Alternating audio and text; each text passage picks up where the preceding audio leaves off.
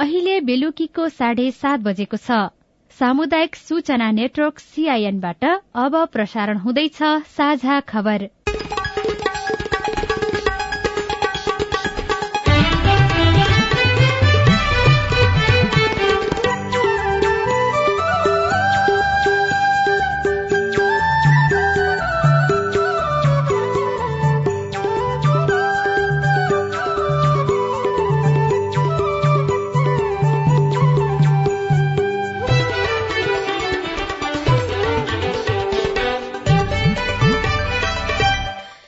सीआईएनको साझा खबरबाट सोभिता रिसालको नमस्कार। साझा खबर देशभरिका सामुदायिक रेडियो सीआईएन खबर डट कम र मोबाइल एप सीआईएनमा पनि सुन्न सकिन्छ।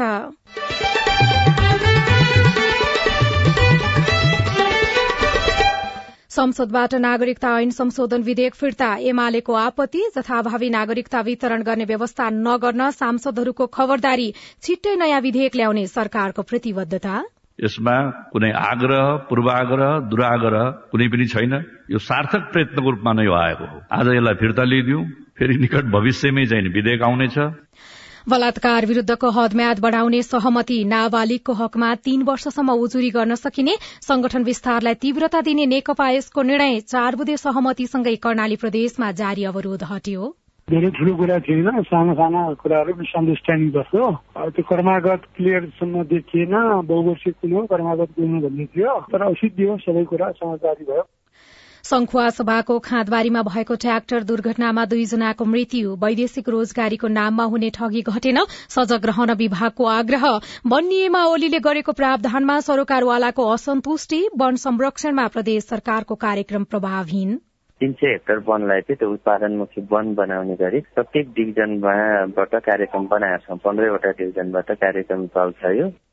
र जापानका पूर्व प्रधानमन्त्री सिन्जो आवेको निधन नवौं खेलकुदका लागि साठी करोड़ बजेट पारित।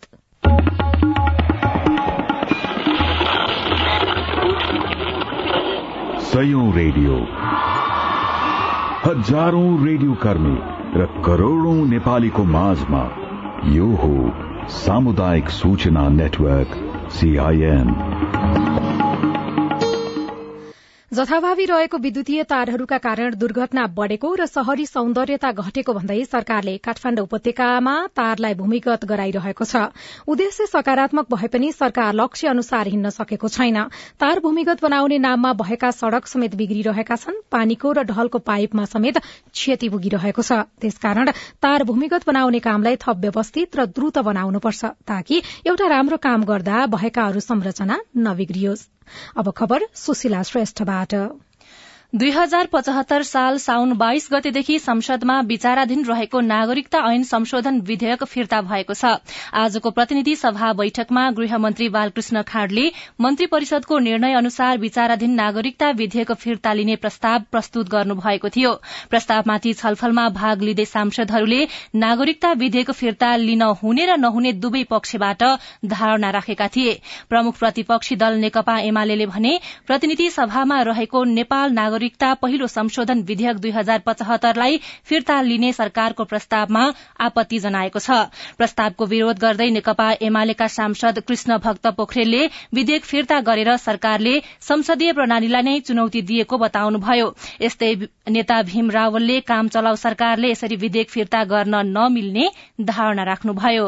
दुई हजार पचहत्तर सालमा तत्कालीन सरकारले त्यसलाई अगाडि बढायो। त्यसको प्रतिवेदन यहाँ पेश भइसकेपछि अहिले हठात फिर्ता लिने त्यो पनि यो सरकार त एक प्रकारले काम चलाउ सरकार छ। अब छिट्टै हामी आम निर्वाचनमा जाँदैछौ। यो संवैधानिक प्रक्रिया हाम्रो कानूनी प्रक्रिया लोकतान्त्रिक प्रक्रिया र संसदीय हाम्रो जुन अभ्यास छ त्यसको प्रतिकूल छ। त्यसकारण म सम्मान्य सभामुख मार्फत म पुनः नेपाल सरकारलाई विशेष गृह गृह मन्त्रीजीलाई यो प्रस्ताव फिर्ता लिनुको लागि म हार्दिक आग्रह गर्न चाहन्छु। नागरिकता विधेयक फिर्ता लिने सरकारको प्रस्तावमाथिको छलफलमा भाग लिँदै नेपाल मजदूर किसान पार्टीका सांसद प्रेम सुवालले वैवाहिक अवस्थालाई आधार मानेर जथाभावी नागरिकता बाँड्न नहुने टिप्पणी गर्नुभयो। नेपालको भू राजनीतिक अवस्थितिमा नेपालीले विदेशीसँग विवाह नगर्ने बन्दोबस्त गरौं। नेपालको भू राजनीतिक अवस्था अनुसार र नेपालीसँग विवाह गरेका विदेशी महिला वा पुरुषलाई नेपालको कृत्रिम नागरिकता दिन सकिन्छ। त्यो कहिले दिने? बिस वर्षपछि। त्यो कृत्रिम नागरिकता लिनेले के गर्नुपर्छ? नेपालको संस्कृतिबारे लिखित परीक्षामा उत्तीर्ण गर्नुपर्छ। कुन देशमा के छ भन्ने कुरा होइन। हाम्रो आफ्नो देशको कुरा गर्ने हो। सांसदहरूले उठाएको प्रश्नमा जवाफ दिँदै गृहमन्त्री खाँडले भने तुरून्तै नागरिकता विधेयक ल्याइने बताउनुभयो। उहाँले दलहरूको बीचमा सल्लाह गरेर नै नागरिकता विधेयक फिर्ता लिएको दावी गर्दै अब सबै दलसँग सहमति गरेर नै नयाँ विधेयक आउने आश्वासन दिनुभयो। यसमा कुनै आग्रह पूर्वाग्रह दुराग्रह कुनै पनि छैन। यो सार्थक प्रयत्नको रूपमा नै आएको हो। आज यसलाई फिर्ता लिइदिउँ। फेरि निकट भविष्यमै चाहिँ विधेयक आउनेछ। पूर्ववर्ती जुन विधेयकहरू छन् ती विधेयकहरूलाई नै मूल आधार मानेरै विधेयक आउनेछ। त्यो विधेयकले मूर्त आकार लिइसकेपछि पास भइसकेपछि नागरिकता सम्बन्धी संघीय कानून बनिसकेपछि नागरिकता प्राप्त नगरेका लाखौं युवाहरूले नागरिकता प्राप्त गर्नेछन् र उनीहरूको जीवन सहज हुनेछ र हाम्रो राष्ट्रिय दायित्व पनि पूरा हुनेछ। नेकपा एकीकृत समाजवादीले संगठन विस्तारको कामलाई तीव्रता दिने निर्णय गरेको छ। आज बसेको सचिवालय बैठकले हालै सम्पन्न केन्द्रीय परिषद बैठकको निर्णय अनुसार संगठन विस्तारमा लागि पर्ने निर्णय गरेको हो। यस्तै बैठकले पार्टीको तर्फबाट प्रतिनिधि सभाको प्रमुख सचेतकमा सरला यादवलाई मनोनयन गरेको नेता जगन्नाथ खतिवड़ाले सीआईएनसँग बताउनुभयो। हाम्रो पार्टीको एकतिसौं केन्द्रीय सचिवालय बैठकले आज जम्मा दुईटा निर्णय गरेको छ। एउटा पार्टीको संसदीय दलमा प्रमुख सचेतकको रूपमा माननीय सरला यादवलाई जिम्मेवारी प्रदान गरेको छ र सुदूरपश्चिम प्रदेशको पार्टीको प्रदेश कमिटिको अध्यक्षको रूपमा कमरेड हर्कबहादुर सिंहलाई जिम्मेवारी प्रदान गरेको छ। उहाँका अनुसार देशका एक सय पैंसठीवटा संघीय निर्वाचन क्षेत्र र तीन सय तीसवटा प्रादेशिक निर्वाचन क्षेत्रमा पार्टी संगठन विस्तार गर्ने जनवर्गीय संगठनहरू विस्तार गर्ने र पार्टी संगठनलाई राष्ट्रव्यापी रूपमा विस्तार गर्ने निर्णय भएको छ। संसदको कानून न्याय तथा मानवाधिकार समितिले बलात्कार मुद्दामा हदम्याद बालिगको हकमा एक वर्ष र नाबालिगको हकमा दुई वर्ष बढ़ाउन सहमति जुटाएको छ। समितिले यौन हिंसा विरूद्धको केही ऐन संशोधन गर्न बनेको विधेयकमाथिको छलफलमा हद म्याद बढ़ाउने सहमति जुटाएको हो। महिला अधिकार कर्मीहरूले भने बलात्कार मुद्दामा हद म्याद हटाउनु पर्ने माग गर्दै आएका थिए। समितिले जुटाएको सहमति अनुसार अब कुनै पनि बलात्कारमा परेका नाबालिगले अठार वर्ष पूरा भएको तीन वर्षपछि अर्थात एक्काइस वर्षको उमेर हुँदासम्म उजुरी गर्नुपर्नेछ। यस्तै बालिगको हकमा भने घटना भएको दुई वर्षभित्र उजुरी गर्नुपर्नेछ। थुनामा रहेको वा अपहरणमा रहेको अवस्थामा बलात्कारमा परेको भए थुनामुक्त वा अपहरणमुक्त भएको दुई वर्ष तीन महिनाभित्र उजुरी गरिसक्नुपर्ने व्यवस्था गरिएको समितिका सभापति कृष्ण भक्त पोखरेलले जानकारी दिनुभयो। नेकपा माओवादी केन्द्रले स्थायी समिति निर्वाचित भएपछि पहिलो पटक समितिको बैठक भोलिका लागि बोलाएको छ। भोलि बिहान आठ बजे प्रचण्ड निवास खुमलटारमा बस्ने बैठकमा पार्टी पदाधिकारीको विषय र अखिल क्रान्तिकारीमा देखिएको विवादका विषयमा छलफल हुने नेता हरिबोल गजुरेलले सीआईएनलाई जानकारी दिनुभयो। यो पिबीलाई पूर्णता दिने काम हो स्थायी समितिलाई कसरी गर्ने भन्ने र अब कार्ययोजना जुन छ नि प्रदेशहरूको प्रदेशहरूमा बैठक राख्ने भनेको नि नेतृत्व गरेर एउटा संरचना बनाएर प्रदेश प्रदेशमा चाहिँ बैठक राख्ने त्यसको तयारी घोषणा पत्र तयार गर्ने अरू समितिहरू बनाउने छानबिन समिति बनाउने यही नै हुन्छ। हालै राजपत्रमा प्रकाशित वन नियमावली दुई हजार उनासीले गरेको प्रावधानको विषयमा सरकारवाला संघ संस्थाहरूले विरोध जनाएका छन्। सामुदायिक वन उपभोक्ता महासंघ नेपाल गैर सरकारी संस्था महासंघ लगायत विभिन्न बीसवटा संघ संस्थाले आज काठमाण्डुमा पत्रकार सम्मेलन गरी नियमावलीमा भएका व्यवस्थाहरूप्रति विरोध जनाउँदै यथाशीघ्र खारेजीको माग गरेका छन्। नेपालको संविधानले परिकल्पना नगरेको र संविधानको भावना विपरीत हुने गरी ल्याइएको नियमावलीले स्थानीय सरकारको अधिकार समेत कटौती गरेको उनीहरूको ठहर छ। पत्रकार सम्मेलनमा सामुदायिक वन उपभोक्ता महासंघका अध्यक्ष भारती पाठकले नियमावलीमा उल्लेख वर्तमान व्यवस्था खारेज नगरिए यसले वन क्षेत्रलाई बिचौलियाको कब्जामा पुर्याउने दावी गर्नुभयो। ऐनको विपरीत बनाइएका नियमावलीहरूको विरूद्धमा अन्तर्राष्ट्रिय जगत र कानूनी प्रक्रियामा पनि जान सक्ने सम्भावनाहरू यहाँ छन् हामी छलफल गरेर यी विषयवस्तुहरूमा अगाडि बढ्नेछौ र बिचौलियाको कब्जामा वन क्षेत्र गइसक्यो। हामी जनताको आवाजलाई बाहिर ल्याएर समुदायको अधिकारलाई सुनिश्चित गराउने हाम्रो चाहिँ त्यो खालको जिम्मेवारी भएको कारणले गर्दाखेरि यहाँहरूसँग हाम्रो विनम्र आग्रह छ अनुरोध छ। सरकारले गत असार सोह्र गते राजपत्रमा प्रकाशित गरी नयाँ वन नियमावली लागू गरेको छ। सर्वदलीय बैठकमा चार बुधे सहमति भएसँगै कर्णाली प्रदेश सभामा जारी अवरोध हटेको छ। कर्णाली प्रदेश सभाका सभामुख राजबहादुर शाहीको उपस्थितिमा आज बसेको सर्वदलीय बैठकमा चार बुधे सहमति पत्रमा हस्ताक्षर भएसँगै बैठक शुरू भएको छ। सहमति पत्रमा सभामुख शाहीका अतिरिक्त मुख्यमन्त्री जीवन बहादुर शाही प्रमुख विपक्षी दलको नेता यमलाल कणेल उपसभामुख पुष्पा घरती नेकपा माओवादी केन्द्रका संसदीय दलका नेता महेन्द्र बहादुर शाही नेकपा एकीकृत समाजवादीका संसदीय दलका नेता चन्द्रबहादुर शाही र राप्रपाको प्रदेश सभा सदस्य सुशीला शाहीले हस्ताक्षर गरेका छन्। सहमति पत्रमा मुख्यमन्त्री रोजगार कार्यक्रमको सम्बन्धमा प्रस्तावित योजनाहरू एकमुष्ट रूपमा फिर्ता लिने र विनियोजन भएको रकम यथावत राखी साउन मसान्तसम्म कार्यविधि सम्मत योजना छनौट गरिसक्नु पर्ने लगायत विषय रहेको मुख्यमन्त्री जीवन बहादुर शाहीले सीआईएनसँग बताउनुभयो। त्यो कर्मागत क्लियरसम्म देखिएन बहुवर्षीय कुन हो कर्मागत कुन भन्ने थियो। मुख्यमन्त्री रोजगारको कार्यक्रम कार्यक्रमहरू चाहिँ त्यो विधि भएन भन्ने अलिकति निखोज भएको थियो तर सिद्धियो सबै कुरा समझदारी भयो। साझा खबरमा अब विदेशको खबर। जापानका पूर्व प्रधानमन्त्री सिन्जो आवेको आज निधन भएको छ। जापानको नारामा भाषण गर्ने क्रममा गोली लागेर उपचारका क्रममा रहनुभएका सडसठी वर्षका आवेको निधन भएको उहाँको उपचारमा संलग्न चिकित्सकहरूले पुष्टि गरेका छन्। आवेको अत्याधिक रक्तस्रावका कारण मृत्यु भएको थियो। र एउटा खेल खबरमा सरकारले नवौं राष्ट्रिय खेलकुदका लागि विनियोजन गरेको साठी करोड़ बजेट पारित गरेको छ। आज बसेको नवौं राष्ट्रिय खेलकुद मूल आयोजक समितिको पहिलो बैठकले बजेट पारित गर्ने निर्णय गरेको हो। आगामी असोज अठाइस गतेदेखि कार्तिक तीन गतेसम्म गण्डकी प्रदेशमा आयोजना हुने नवौं खेलकुदका लागि छियानब्बे करोड़ बजेट आवश्यकता पर्ने प्रस्ताव गरे पनि सरकारले साठी करोड़ मात्र विनियोजन गरेको हो। बैठकले मन्त्री परिषदबाट पारित भएको नवौं खेलकुद कार्य सञ्चालन निर्देशिका अनुमोदन गरेको पनि छ।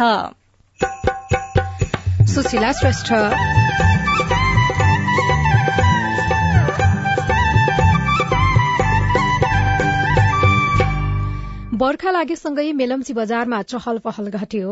व्यापार भन्ने त अब निन्द्रा लाएर सुतेर बस्नुपर्ने भइसक्यो पसल नखोल्यो भने व्यापार बिजनेस केहीहरू बन्द गरेर बस्नु जस्तो हुने हुन्छ कि भन पुल पनि छैन। हामी त अन्न धुन्दामा परेका छौँ अहिले त मेलम्चीवासी त पोहोरदेखिबाटै व्यापार व्यवसाय घट्यो। पोहोर जस्तै बाढ़ीको डर मेलम्ची नदीमा पुल नहुँदा समस्या रिपोर्ट। वनको संरक्षण र विकासका लागि प्रदेश सरकारका योजना लगायतका विशेष सामग्री बाँकी नै छन्। सीआईएनको साझा खबर सुन्दै गर्नुहोला। उठाउनु पर्ने आवाजहरू सदनमा उठाउनु भएको छ। तपाईँलाई धन्यवाद दिनुपर्ने हुन्छ। कानून निर्माणमा नागरिक सहभागिता सिद्धान्त र अभ्यास। पारित गरियोस् भन्ने प्रस्ताव दुई तिहाई बहुमत भन्दा बढ़ी मतबाट पारित भएको घोषणा गर्दछु। कानून कार्यान्वयनमा सांसद र संसदको जवाफदेहिता। र जिल्लाको र समग्र मुलुकका चाहिँ सवालहरूलाई संसदमा उठाउने सवालहरूमा म आफूले सशक्त ढंगले भूमिका खेले भन्ने लाग्छ। संसदीय प्रक्रियामा जनता र सरकारवाला निकायको नजर। युवाको क्षेत्रमा त्यति धेरै काम भएको छैन। युवालाई चाहिँ ओजरमै राखेर अहिले काम भइरहेको छ। युवाहरूलाई चाहिँ रोजगारीमा जोड्नुपर्छ भनेर अहिले केही कार्यक्रमहरू पनि सञ्चालन गरेका छौं। जनतादेखि नेतासम्म नीतिदेखि नेतृत्वसम्म युवा सीमान्तकृत वर्ग जाति अल्पसंख्यकका सवालहरू। जनताको कुरा राख्ने ठाउँ संसदै हो। हामी कार्यपालिका होइन व्यवस्थापिका हो नीति निर्माण गर्ने हो। अब सवाल मात्रै होइन जवाबसँगै देखिन्छ प्रभाव पनि। कार्यक्रम हेलो सांसद सीआईएन मार्फत मुलुकभरका सामुदायिक रेडियोमा हरेक बिहिबार बेलुकाको साझा खबरमा र भोलिपल्ट शुक्रबार बिहान साढे छ बजे कार्यक्रम हेलो सांसद सीआईएन को फेसबुक पेज र युट्युब च्यानलमा सांकेतिक भाषामा पनि हेर्न सक्नुहुनेछ। युएनडीपी संसद सहयोग परियोजना र अकुराबको सहकार्य। सामाजिक रूपान्तरणका लागि यो हो सामुदायिक सूचना नेटवर्क सीआईएन तपाई सामुदायिक सूचना नेटवर्क सीआईएनले तयार पारेको साझा खबर सुन्दै हुनुहुन्छ। क्यानाडा र जर्मन पठाइदिने भन्दै ठगी गर्ने काम भइरहेकाले वैदेशिक रोजगार विभागले सबैलाई सचेत रहन आग्रह गरेको छ।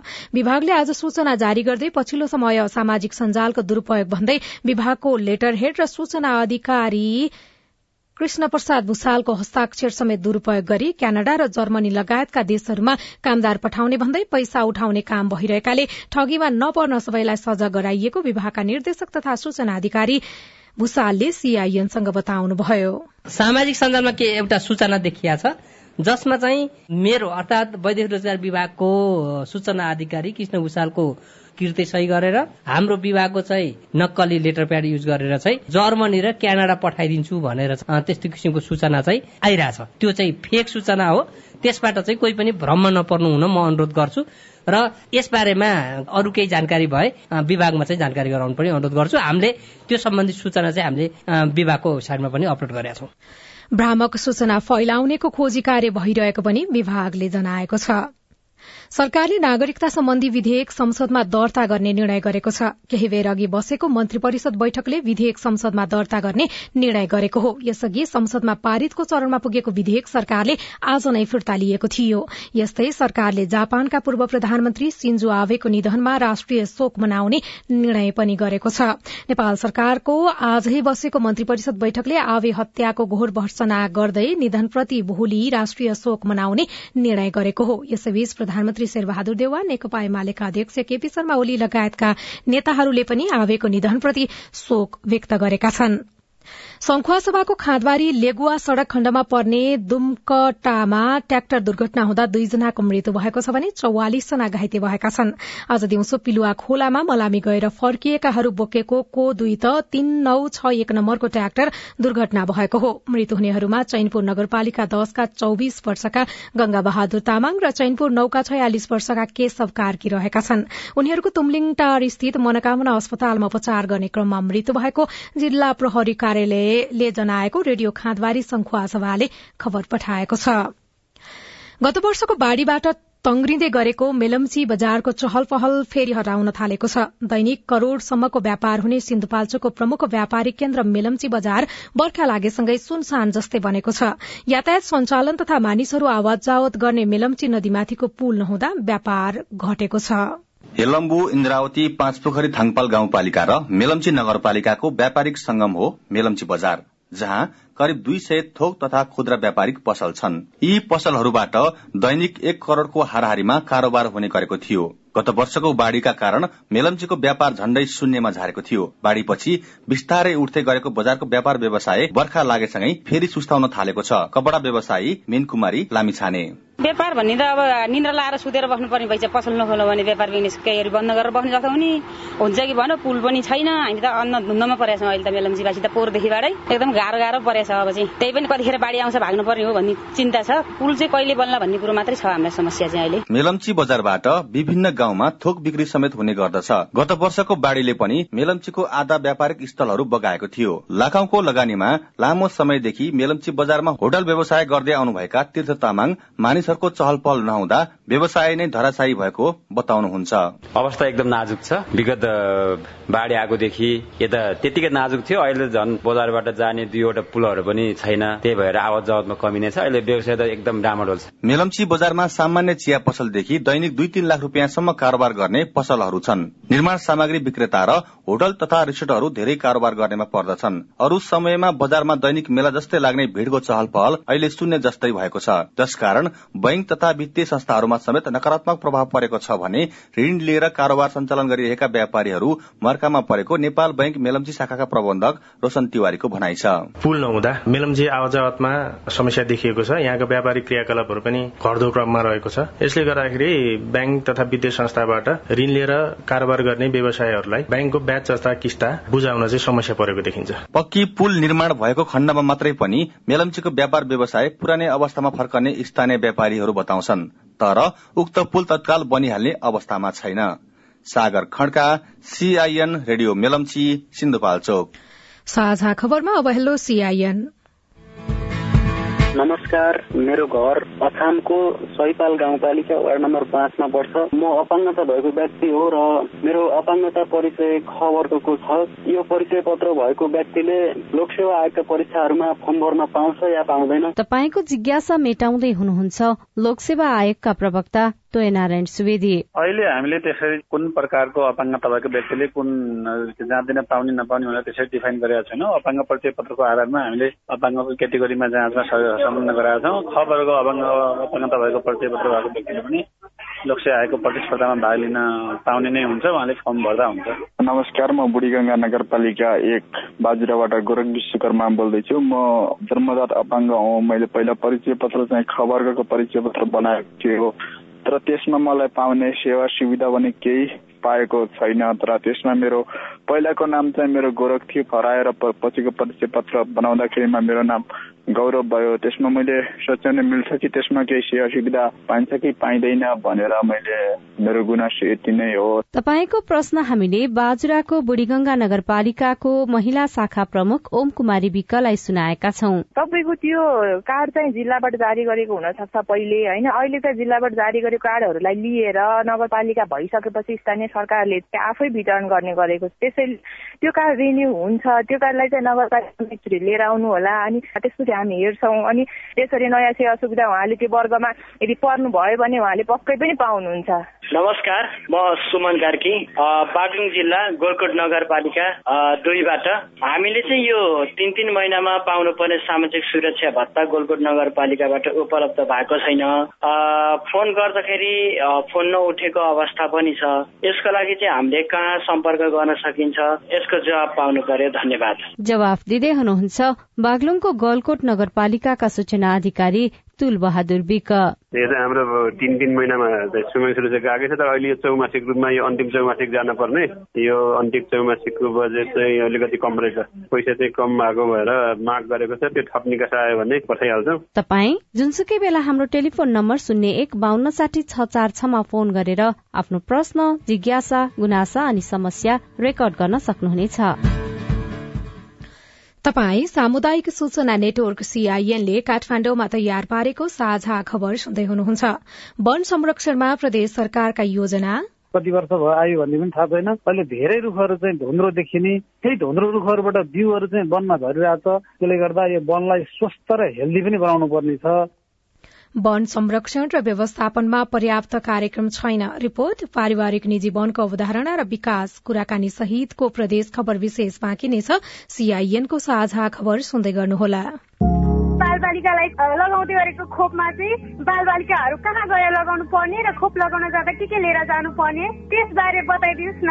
मेरो जिज्ञासा के छ भनेपछि हामी विद्यार्थीहरू एकदमै जोखिममा छौँ तर पनि हामीहरूले समयमा खोप उपलब्ध हुन सकेको छैन।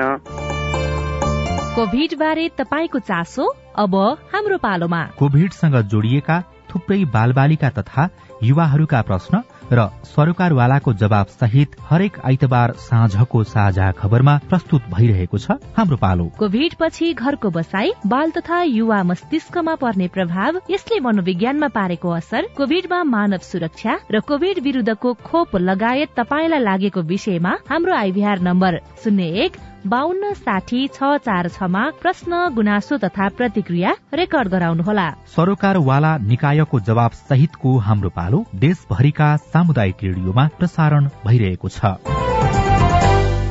सामाजिक रूपान्तरणका लागि यो हो सामुदायिक सूचना नेटवर्क सीआईएन तपाई सामुदायिक सूचना नेटवर्क सीआईएनले काठमाण्डुमा तयार पारेको साझा खबर सुन्दै हुनुहुन्छ। सन् दुई हजार पन्ध्रको वन स्रोत सर्वेक्षण अनुसार कुल भूभागको चालिस प्रतिशत वन र चार दशमलव सात चार जहाडी बुट्यान गरी वन क्षेत्रले ढाकेको चौवालिस दशमलव सात चार भूगोल नेपालमा छ। मुलुक संघीय संरचनामा गएसँगै प्रदेशभित्रको राष्ट्रिय वन जल उपयोग तथा वातावरण व्यवस्थापन प्रदेशको एकल अधिकारमा समावेश छ। त्यसै अनुसार वन संरक्षण गर्न प्रदेश सरकारले कार्यक्रम बनाइए पनि पर्याप्त भने छैन। नेपालको कुल वन क्षेत्र मध्ये सत्र दशमलव एक छ प्रतिशत वन प्रदेश एकमा छ। वन क्षेत्र विस्तार गर्न प्रदेश वन विकास कार्यक्रम सञ्चालन गरिएको पाँच वर्ष भयो। त्यति मात्रै होइन प्रदेश हरियाली कार्यक्रम अन्तर्गत तराई क्षेत्रमा बहुवर्षीय बिरूवा वितरण वन्य जन्तुको वासस्थान संरक्षण जड़ीबुटी विकास कार्यक्रम सञ्चालनमा छ। मध्य प्रदेशले वन क्षेत्र संरक्षण र विस्तारका कस्ता योजना ल्याएको छ? उद्योग पर्यटन तथा वन मन्त्रालयका प्रवक्ता सुजित कुमार झा। सूर्य जोगाउँ मधेस बचाउको नारा हामीले दिएका छौँ होइन? सूर्य संरक्षण र त्योसँग सम्बन्धित तराई मधेसको व्यवस्थापन वृक्षारोपण गर्ने स्लोप स्टेबिलाइजेसन गर्ने र खास गरी नदी प्रणालीमा केन्द्रित रहेर नदीलाई कन्ट्रोल गर्ने हिसाबले नदीलाई माथि शिरदेखि लिएर तिरसम्म पुछारसम्म सूर्य संरक्षणका योजना हामी ल्याइरहेका बागमती प्रदेशले वन क्षेत्र बढ़ाउन आगामी वर्ष पन्ध्र लाख बिरूवा रोप्ने योजना बनाएको छ। सिन्धुलीको हरिहरपुर गढ़ी स्थित सत्र दशमलव तीन हेक्टर जमीनमा तेह्र हजार बिरूवा लगाएर कृषि वन प्रणालीको शुरूआत गरेको छ। झाड़ीयुक्त वन व्यवस्थापनको काम पनि अघि बढ़ाइने बताउँदै वन तथा वातावरण मन्त्री विशाल खड्का। त्यो हैसियत बिग्रिएको वन चाहिँ एकदमै बढेर गयो झाडीयुक्त वनहरू। त्यो त्यो वनलाई चाहिँ अहिले कम्तीमा तिन सय हेक्टर वनलाई चाहिँ त्यो उत्पादनमुखी वन बनाउने गरी प्रत्येक डिभिजनबाट कार्यक्रम बनाएको छौँ। पन्ध्रवटा डिभिजनबाट कार्यक्रम चल्छ यो। गण्डकी प्रदेशले वन संरक्षण गर्न वृक्षारोपणलाई प्राथमिकता दिएको छ भने लुम्बिनी प्रदेशले कैयौं वर्ष पुराना रूख हटाउने नीति अघि सारेको छ। वन वातावरण तथा भू संरक्षण मन्त्रालय लुम्बिनी प्रदेशका वन व्यवस्थापन योजना तथा अनुगमन महाशाखा प्रमुख नारायण देव भट्टराई। तराईमा भएको सालहरू दुई सय वर्ष तिन सय वर्ष चार सय पाँच सय कति सय वर्ष कति वर्ष यिनीहरूको अब कति वर्ष भयो आयो भन्ने पनि थाहा छैन। अहिले धेरै रुखहरू चाहिँ धुन्द्रो देखिने त्यही धुन्द्रो रुखहरूबाट बिउहरू चाहिँ वनमा झरिरहेको छ त्यसले गर्दा यो वनलाई स्वस्थ र हेल्दी पनि बनाउनु पर्ने छ। त्यसको लागि वन सम्वर्धन प्रणालीमा आधारित वन व्यवस्थापन नै हो। सुदूरपश्चिम प्रदेश सरकारको भने अतिक्रमण भएको वन क्षेत्र फिर्ता ल्याउने रणनीति छ। उद्योग पर्यटन वन तथा वातावरण मन्त्रालयका अनुसार प्रदेशभर अस्सी हजार हेक्टर क्षेत्र वन अतिक्रमणमा परेको अनुमान छ। कडाली प्रदेशले भने वृक्षारोपण वर्ष मनाउँदैछ। उद्योग पर्यटन वन तथा वातावरण मन्त्रालयका सचिव मोहनदेव जोशी। पन्ध्र लाख बिरुवा अर्को वर्ष भनेको छ। वन र कृषि प्रजाति गरेर हो अलग अलग रूपमा छरेर नभइकन एउटा कम्तीमा पाँच हेक्टरको ब्लक बनाएर त्यो ब्लकमा प्लान्टेसन गर्ने एक दुईमा प्लान्टेसन गरिएको बिरुवालाई अनुगमन गर्नको लागि मोबाइल एप आएको छ वृक्ष नक्साङ्कन भन्ने एप आएको छ। एपबाट हामीले प्रत्येक ट्रीहरूलाई गुगल अर्थबाट मोनिटरिङ गर्न सक्छौ। वन मन्त्रालयको तथ्याङ्क अनुसार सात प्रदेश मध्ये मधेस र कडाली बाहेक अन्य प्रदेशमा वन क्षेत्र बढ़ेको छ। खेतीयोग्य जमीन बाँझो छाड्नुभन्दा निजी वनको अभ्यास पनि बढ़ेको अध्ययनले देखाएको छ। तर मधेस सरकारका योजना राष्ट्रिय र सामुदायिक वनको संरक्षण अनि विस्तारमा मात्र केन्द्रित भएको भन्दै आलोचना पनि हुने गरेको छ। नेपालमा राष्ट्रिय सामुदायिक निजी धार्मिक लगायतका वन छन्। यी मध्येको एउटा हो पारिवारिक निजी वनको विस्तार पनि बढ़दै गएको छ। तर यसको दर्ता तथा नियमन स्थानीय सरकारबाटै हुनुपर्ने माग सुनवाई नभएको गुनासो आइरहेको छ। हामीले यसै विषयमा पारिवारिक निजी वन संघ नेपालका अध्यक्ष जोगराज गिरीसँग कुराकानी गरेका छौं। लगानी कम हुनुको साथै मान्छेहरू धेरै जसो चाहिँ विदेशमा बस्ने भएको कारणले गर्दाखेरि अब धेरै किसानहरू अथवा श्रमजीवीहरू त खाडीमा गइरहेका छन्। पारिवारिक निजी वनको त्यो क्षेत्रफल बढ़िराखेको हो कि एकदमै एकदमै एकदम प्रति वर्ष चाहिँ तीसदेखि पैंतिस पर्सेन्ट चाहिँ पारिवारिक निजी वन चाहिँ वृद्धि विकास भएको छ नेपालको सन्दर्भमा। पारिवारिक निजी वन भनेको कति एउटै परिवारले चलाउनेलाई पारिवारिक निजी वन भन्ने हो कि? नेपालको अभ्यास चाहिँ कसरी भइरहेको अब यस्तो छ नेपालमा दुईटा वन छन् एउटा सरकार स्वामित्वमा भएको वन एउटा चाहिँ व्यक्तिगत स्वामित्वमा भएको वन। अब विश्व ब्याङ्कको परिभाषा अनुसार जिरो पोइन्ट पाँच हेक्टरदेखि दस हेक्टर भयो भने त्यसलाई पारिवारिक निजी चाहिँ वर्ल्ड वाइड यसको डिफिनेसन एउटा परिवारले चलाएको अथवा सञ्चालन गरेको एउटा परिवारले चलाएको वनको कुरा आउँछ लालपूर्जाभित्र रहेको वनको कुरा हामीले गरिरहेका छौँ। देशैभरमा यति प्रतिशत अथवा प्रदेशगत रूपमा पनि यो प्रदेशमा यति यति भन्ने केही तथ्याङ्क छ कि छैन पारिवारिक निजी वन अहिले चाहिँ विशेष गरेर लुम्बिनी प्रदेश र मध्य प्रदेशमा सबभन्दा धेरै पारिवारिक निजी वन छ र त्यसै प्रदेश एकमा पनि निजी वन धेरै छ। कति परिवार चाहिँ यो निजी वनमा आबद्ध छ? पारिवारिक निजी वन संघ नेपालमा दस हजार परिवारहरू चाहिँ तपाईँको आबद्ध भइरहेका छन् अहिलेसम्म सम्म तथ्याङ्क विभागको तथ्याङ्कको रेकर्ड अनुसार दुई हजार एघार बाह्र गरेको जुन तथ्याङ्क लिएको थियो त्यसमा जिरो पोइन्ट एक हेक्टरदेखि दस हेक्टरसम्म वन बनाएको घरधुरी संख्या चाहिँ तेह्र लाख छ भनेर त्यो रिपोर्ट बोल्छ प्रदेशले स्थानीय सरकारले संघले पारिवारिक निजी वनको वृद्धिको लागि अहिले ठिकै राम्रै समन्वय भइरहेको छ कि अथवा केही अभाव ऐन पनि अघि कुरा गर्दै हुनुहुन्थ्यो तपाईँले त्यसमा केही महसुस भइरहेको छ? सुरुको स्थापना कालले दुई हजार एकात्तर सालमा स्थापना हुँदाखेरि पारिवारिक निजी वनलाई स्थानीय सरकार त्यसलाई चाहिँ व्यवस्थापन गर्ने देऊ भनेर हाम्रो हामीले चाहिँ हाम्रो अडान थियो। र त्यो अडान अनुसार चाहिँ तपाईँको वन नीति दुई हजार पचहत्तर भन्यो त्यो दुई हजार पचहत्तरमा वन नीतिले पारिवारिक निजी वनमा भएका सम्पूर्ण नीतिगत अप्ठ्याराहरू फुकाउने भनेर भन्यो। नीति अनुसार बनेन आएन। बनेले के भन्यो भने स्थानीय सरकारमा निजी वन दर्ता गर्ने त्यसको टेरिटोरीमा चाहिँ कटानको आदेश दिन सक्ने भन्यो। तर फेरि ल्याएर कहाँ जोड दियो भने प्रदेश सरकार अन्तर्गत रहेको जिल्ला डिभिजन वन कार्यालयबाट सिफारिस लिनुपर्ने भन्यो। र यही नै हाम्रो अहिले विडम्बना रह्यो। अब चाहिँ के चाहिन्छ त पारिवारिक निजी वन सञ्चालन गरेका व्यक्तिहरूलाई? तिनवटा सरकारको बीचको छ तपाईँको समन्वय सम्बन्धको कुरा छ तिमीहरू आफू डिफिनेसन गर। तर पारिवारिक निजी वन किसानहरूले चाहिँ स्थानीय सरकारमै दर्ता गर्ने त्यहीँ छुटपुजी पाउने त्यहीँबाट व्यवस्थापन गर्ने कुरा चाहिँ गर्नुपर्छ भनिरहेछौँ प्रदेश सरकारले केही गर्नुपर्छ कि मेरो कुरा त्यही हो। किसानले आफ्नो बारीको रुखहरू वृक्षारोपण गर्ने अथवा त्यसलाई तपाईँको व्यवस्थापन गर्ने अथवा त्यसलाई दर्ता गर्ने अथवा त्यसलाई काठको अनुमति लिने कुरा त। स्थानीय सरकारले गर्नुपर्ने हो।